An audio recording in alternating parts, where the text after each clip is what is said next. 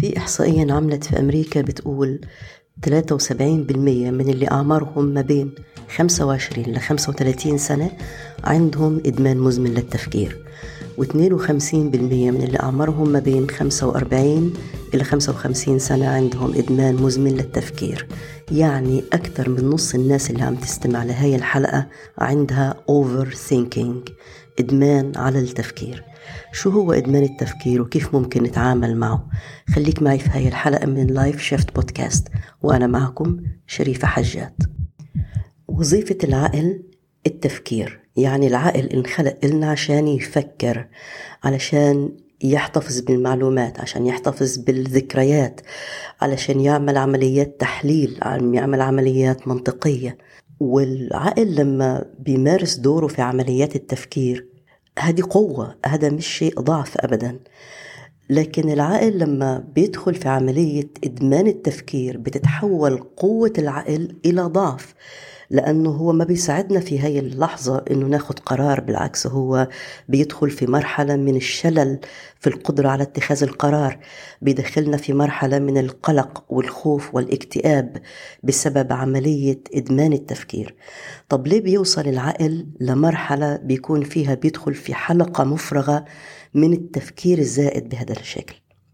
الإنسان لما بيكون بيفكر بموضوع معين وبيحاول يفهم هذا الموضوع سواء الموضوع صار في الماضي أو موضوع حيكون معه في المستقبل يعني بيخطط لشيء في المستقبل أو أو صار في تواصل اجتماعي معين كان موجود في مكان وسمع ناس بتحكي عنه أو قلقان من إنه في وجهة نظر معينة عن الناس عنه بيوصل عقل الإنسان لمرحلة نقطة مسدودة بيعلق.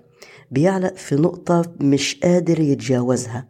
مش قادر يتجاوزها لأنه مش قادر يفهم الموقف اللي هو موجود فيه أو دخل بعمليات تحليل فوق اللازم أكثر من اللازم قراءة ما بين السطور أكثر من اللازم في تحليل الموقف. بيدخل في نقطة معينة بيوصل فيها العقل لطريق مسدود. لما بيوصل العقل لطريق مسدود بيبدأ يعيد الأفكار مرة تانية يحاول يفهمها. لكن هذا الشيء بيخلق شحنة مشاعر موجودة عند الإنسان وبينفصل في هاي اللحظة عن لحظة الواقع الحالي اللحظة الحالية اللي هو عم بيعيشها. وبتلاقيه علق في هاي الفكرة علق في هذا الموقف علق في فهم هذا الشعور أو في فهم هذا الإنسان أو في قرار المستقبلي اللي لازم ياخده مش قادر يتجاوزها. الإنسان في أربع حالات بيدخل فيها في إدمان التفكير. الحالة الأولى إنه بيعيش أحداث صارت في الماضي. يعني موقف صار في الماضي ممكن يكون من يوم أو أسبوع أو شهر أو حتى سنوات في بعض الأحيان. ويبدأ الإنسان يعيش نفس الأحداث في باله مرارا وتكرارا وكأنها عم بتصير معه الآن. وهذا بيؤدي إلى مستويات عالية جدا من التوتر والقلق والاكتئاب والشحنات العاطفية لأنه الإنسان بيكون مشحون بشحنة الموقف اللي صار مع إنه انتهى. الحالة الثانية من إدمان التفكير إنه الإنسان بيعيش قصة مضللة عن نفسه يعني بيخترع قصة عن نفسه في دماغه ويضل يسأل نفسه أسئلة عن أنا ليه مش سعيد؟ ليه أنا بيصير معي هيك؟ ليه كل الناس عندها كذا وأنا مش عندي؟ هذه القصة اللي يخترعها الإنسان عن نفسه وبتضلها تتكرر في باله طول اليوم أو على مدار الساعات والأشهر والسنوات بتسبب له كمان نوع عالي جدا من الإحباط والقلق والتوتر والشلل الاجتماعي لأنه ما بيقدر يعمل أي شيء مفيد. بيدخل بيكون في دوامة عقلية من التساؤلات النيجاتيف السلبية جدا عن نفسه. الحالة الثالثة من حالات إدمان التفكير بنسميها القلق الاجتماعي. يبدأ الإنسان يتساءل هل أنا حكيت هذا الشيء صح ولا غلط؟ كان لازم أحكي شيء تاني ولا لأ؟ كيف فهموا كلامي؟ بيحاول يفسر ما بين السطور. بعتوا لي كذا. شو كان قصدهم بالكلمة الفلانية؟ شو كان قصدهم بهاي؟ وتفسيرات الإنسان في هذا النوع من إدمان التفكير بتكون كلها تفسيرات آه، نابعة من خوف من قلق من توتر شكوك في النفس من شكوك في نوايا الآخرين تجاهه. كمان بتعمل مستويات عالية جدا من القلق والتوتر والإحباط وبتعمل شرخ كبير جدا في البنية الاجتماعية لأنه الإنسان بيبدأ ياخد قرارات بناء على تفسيره هو لمواقف الآخرين منه ولكلامهم لإله ولنظراتهم لإله. فهذا النوع من إدمان التفكير في القلق الاجتماعي بيخلي الإنسان عايش كمان في شحنات عاطفية عالية جدا من التوتر والإحباط وممكن الاكتئاب في بعض الأحيان. الحالة الرابعة من حالات إدمان التفكير هي شلل القدرة على اتخاذ القرار. وهي بتيجي للناس الأذكياء جدا على فكرة. يعني الإنسان الذكي واللي عقله دايما شغال واللي عقله دايما بيحلل وبيحاول يلاقي alternatives أو بدائل ويحاول يعمل problem solving وحل مشكلات بيدخل عقله في مرحلة من التحليل لدرجة إنه بيوقف في نقاط مسدودة معينة ويبدأ العقل يغرق بتفاصيل هو أصلا مش قادر يشوفها في الوقت الحالي. فبسبب الذكاء اللي موجودة عنده بيدخل العقل في عمليات تحليل معقدة جدا بيصطدم فيها بأشياء غامضة أو معلومات غير موثوقة لازم يتأكد منها أو معلومات مفقودة لازم يقدر يجيبها. أو بدائل متعددة لاتخاذ القرار أو بدائل متعددة لحل مشكلة فبيدخل بأوفر للمشاعر مشاعر فياضة جدا بشكل سلبي ما بيقدر يتعامل معها فبيدخل في مرحلة شلل القدرة على اتخاذ القرار.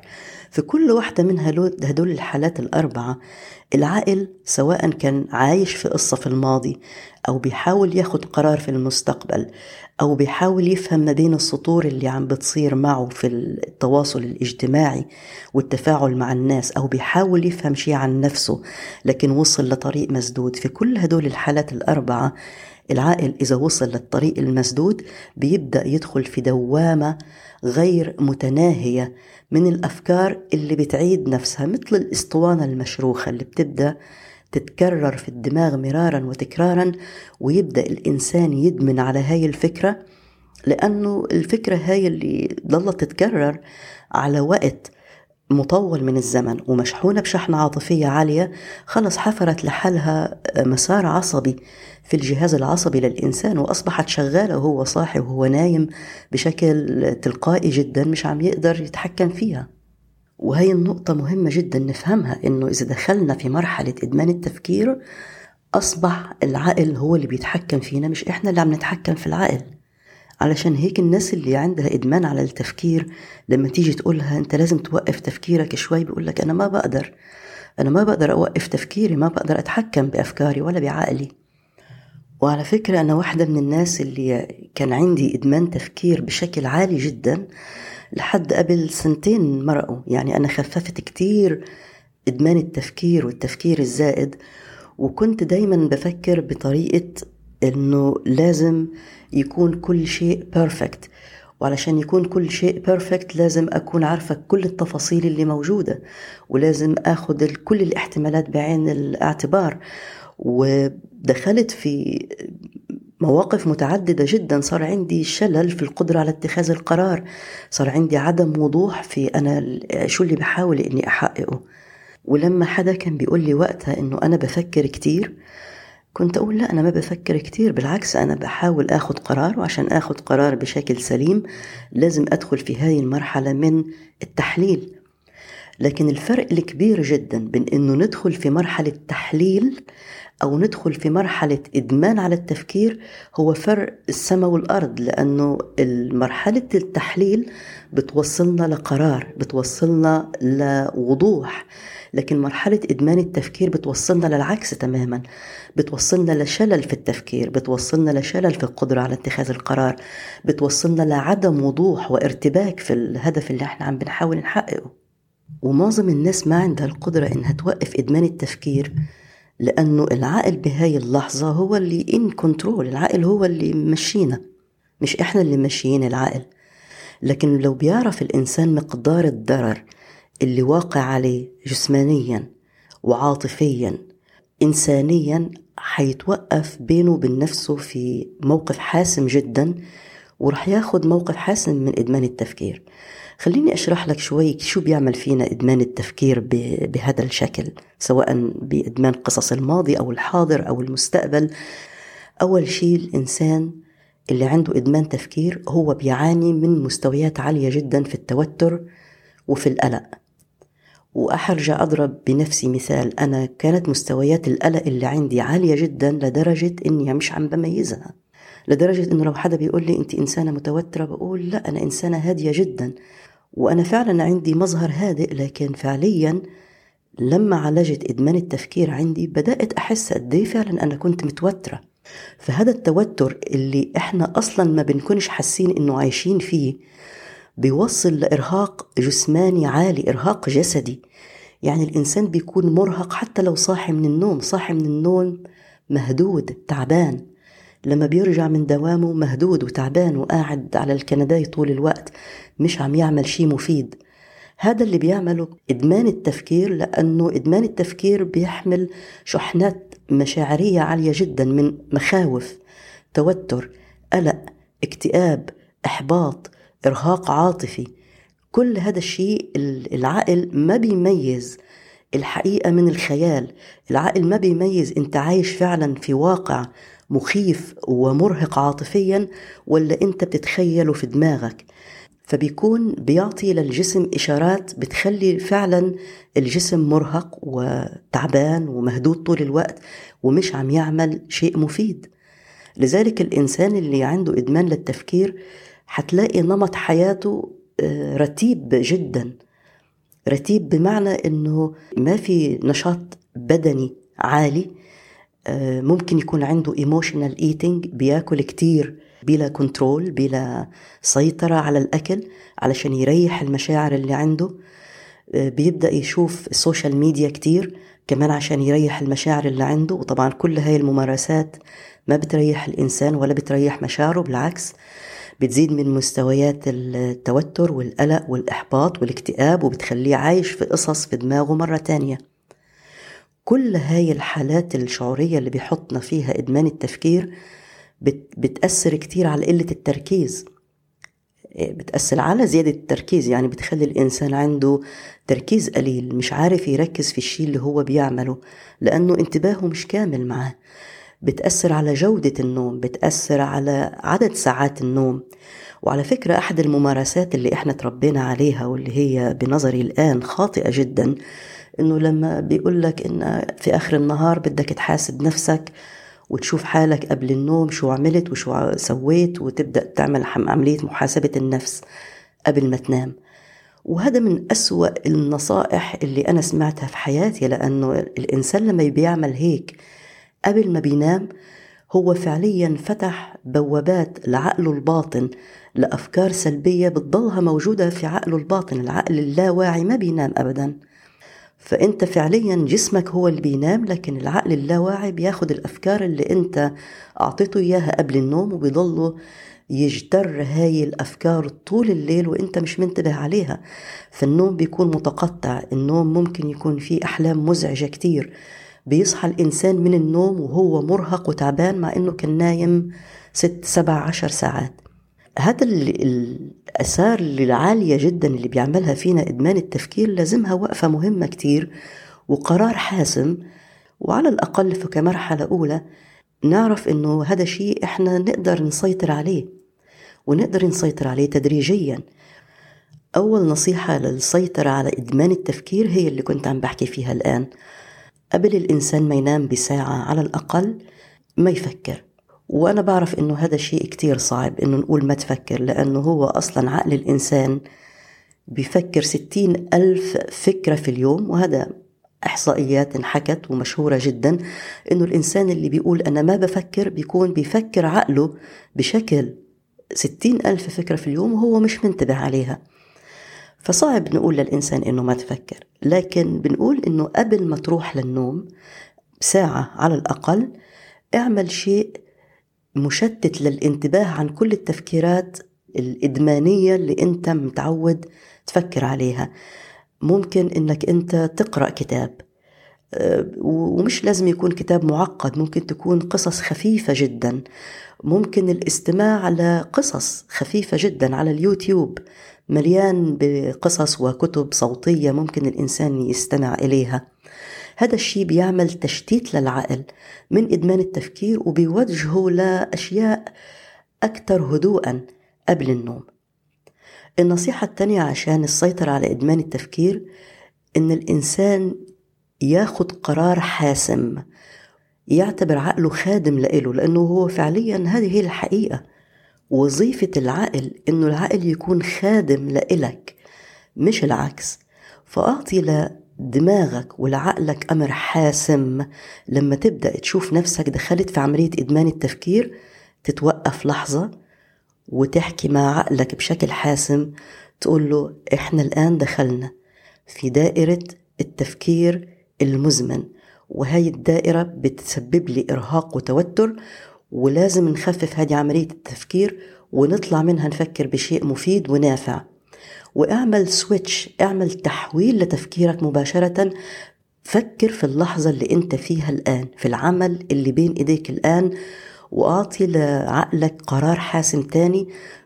قول لعقلك بشكل حاسم ركز الآن في الشيء اللي عم نعمله.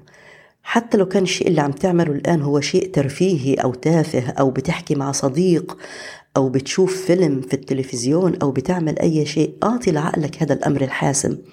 وحتستغرب قد إيه عقلك حيستجيب لك لأنه العقل مخلوق عشانك. أنت مش مخلوق عشان العقل. في طريقة حلوة كتير وبيعملوها الناس لما بيحاولوا يغيروا عاداتهم في التفكير أو العادات الشخصية. إنه بيلبس الواحد مغيطة في إيده إحنا بنسميها في الأردن مغيطة. آه هي بتكون ربر مطاطة دائرية بسموها في في في مصر أستك. وبيلبسها الواحد حوالين إيده. ولما بيدخل في عملية إدمان التفكير بيشدها فبتلسعه لأنه عملية ارتداد المغيطة هاي على إيده بتلسعه. فهذا بيعطي إشارة للدماغ إنه إحنا الآن عم نعمل شيء غير مفيد. فبيبدأ الدماغ يربط بين فكرة الألم وفكرة إدمان التفكير. وهي الطريقة ممكن الإنسان يجربها لو فعلا داخل في عملية إدمان تفكير ولقي نفسه هو مش قادر أبدا يسيطر على عقله ولا على تفكيره. لأنه في هاي اللحظة اللي, اللي حيربط فيها الموغطة حوالين إيده ويشدها ويلسع نفسه كل ما دخل في عملية إدمان تفكير فورا العقل بيعمل اسوسيشن أو بيعمل ارتباط ما بين الإدمان التفكير والشعور بالألم. والفكرة الأخيرة أو النصيحة الأخيرة للتعامل مع إدمان التفكير والسيطرة على إدمان التفكير هو التفكير بالكتابة. يعني إحنا قلنا إنه العقل بيدخل في إدمان التفكير لأنه بيوصل لطريق مسدود بيكون مش قادر يتصرف فيه فبيدخل في إعادة الفكرة مرارا وتكرارا. والكتابة بتوضح للعقل تماما أو بتعطي توضيح للعقل بالأفكار اللي أنك بتشوفها مكتوبة قدامك. لذلك لما بدك تسيطر على عملية إدمان التفكير في أي موضوع أنت بتفكر فيه سواء كان اتخاذ قرار أو تفسير الناس أو مساءلة نفسك أو العيش في أحداث الماضي اعمل كل هذا الحكي بالكتابة. وحتى لو كانت كتابة مش واضحة يعني زي خربشة الأطفال بس إنه أعطي فلو أعطي مسار من أفكارك تنزل على الورق. هذا بيكون عملية تحرير عالية جدا للأفكار. ولا مش هي النصيحة الأخيرة في كمان نصيحتين تانيين. الحركة والتنفس. إدمان التفكير بيخلي الإنسان عنده مشاعر توتر وقلق وبيكون جسمه تعبان ومهدود فبالتالي في طاقة مخزنة في الجسم مش عم تتفرغ. والطاقة المخزنة في الجسم اللي مش عم تتفرغ هي كمان بتسبب نوع من الاكتئاب والإحباط للإنسان وبتخليه يشعر بالتعب أكثر فللتعامل مع هاي الحالة اتحرك غير طاقة جسمك. حتى لو كنت حتمشي في المكان اللي انت موجود فيه في الغرفة اللي انت موجود فيها أو آه، تعمل أي نوع من التمارين في البيت أو حتى في أعمال البيت لازم طاقة الجسم الساكنة تتحرر وتتحرك. وكمان التنفس. التنفس العميق بيخلي الإنسان ياخد كميات عالية جدا من الأكسجين توصل للدماغ فالدماغ بيحس حاله مرتاح أكتر بتعطي سيجنال كمان للجسم إنه الجسم مرتاح أكتر وبتسهل على الجسم عملية الحركة. التنفس العميق يعني ممكن تاخد عشر أنفاس عميقة. تأكد إنك أنت عم تملى رئتيك بالهواء وتتنفس ببطء وشهيق ببطء وزفير ببطء. حتغير طاقة الجسم كلها وبتخلي كمان العقل يهدى من عملية إدمان التفكير. أكثر من خمسين بالمية من الناس عندها إدمان للتفكير فأنت مش لوحدك.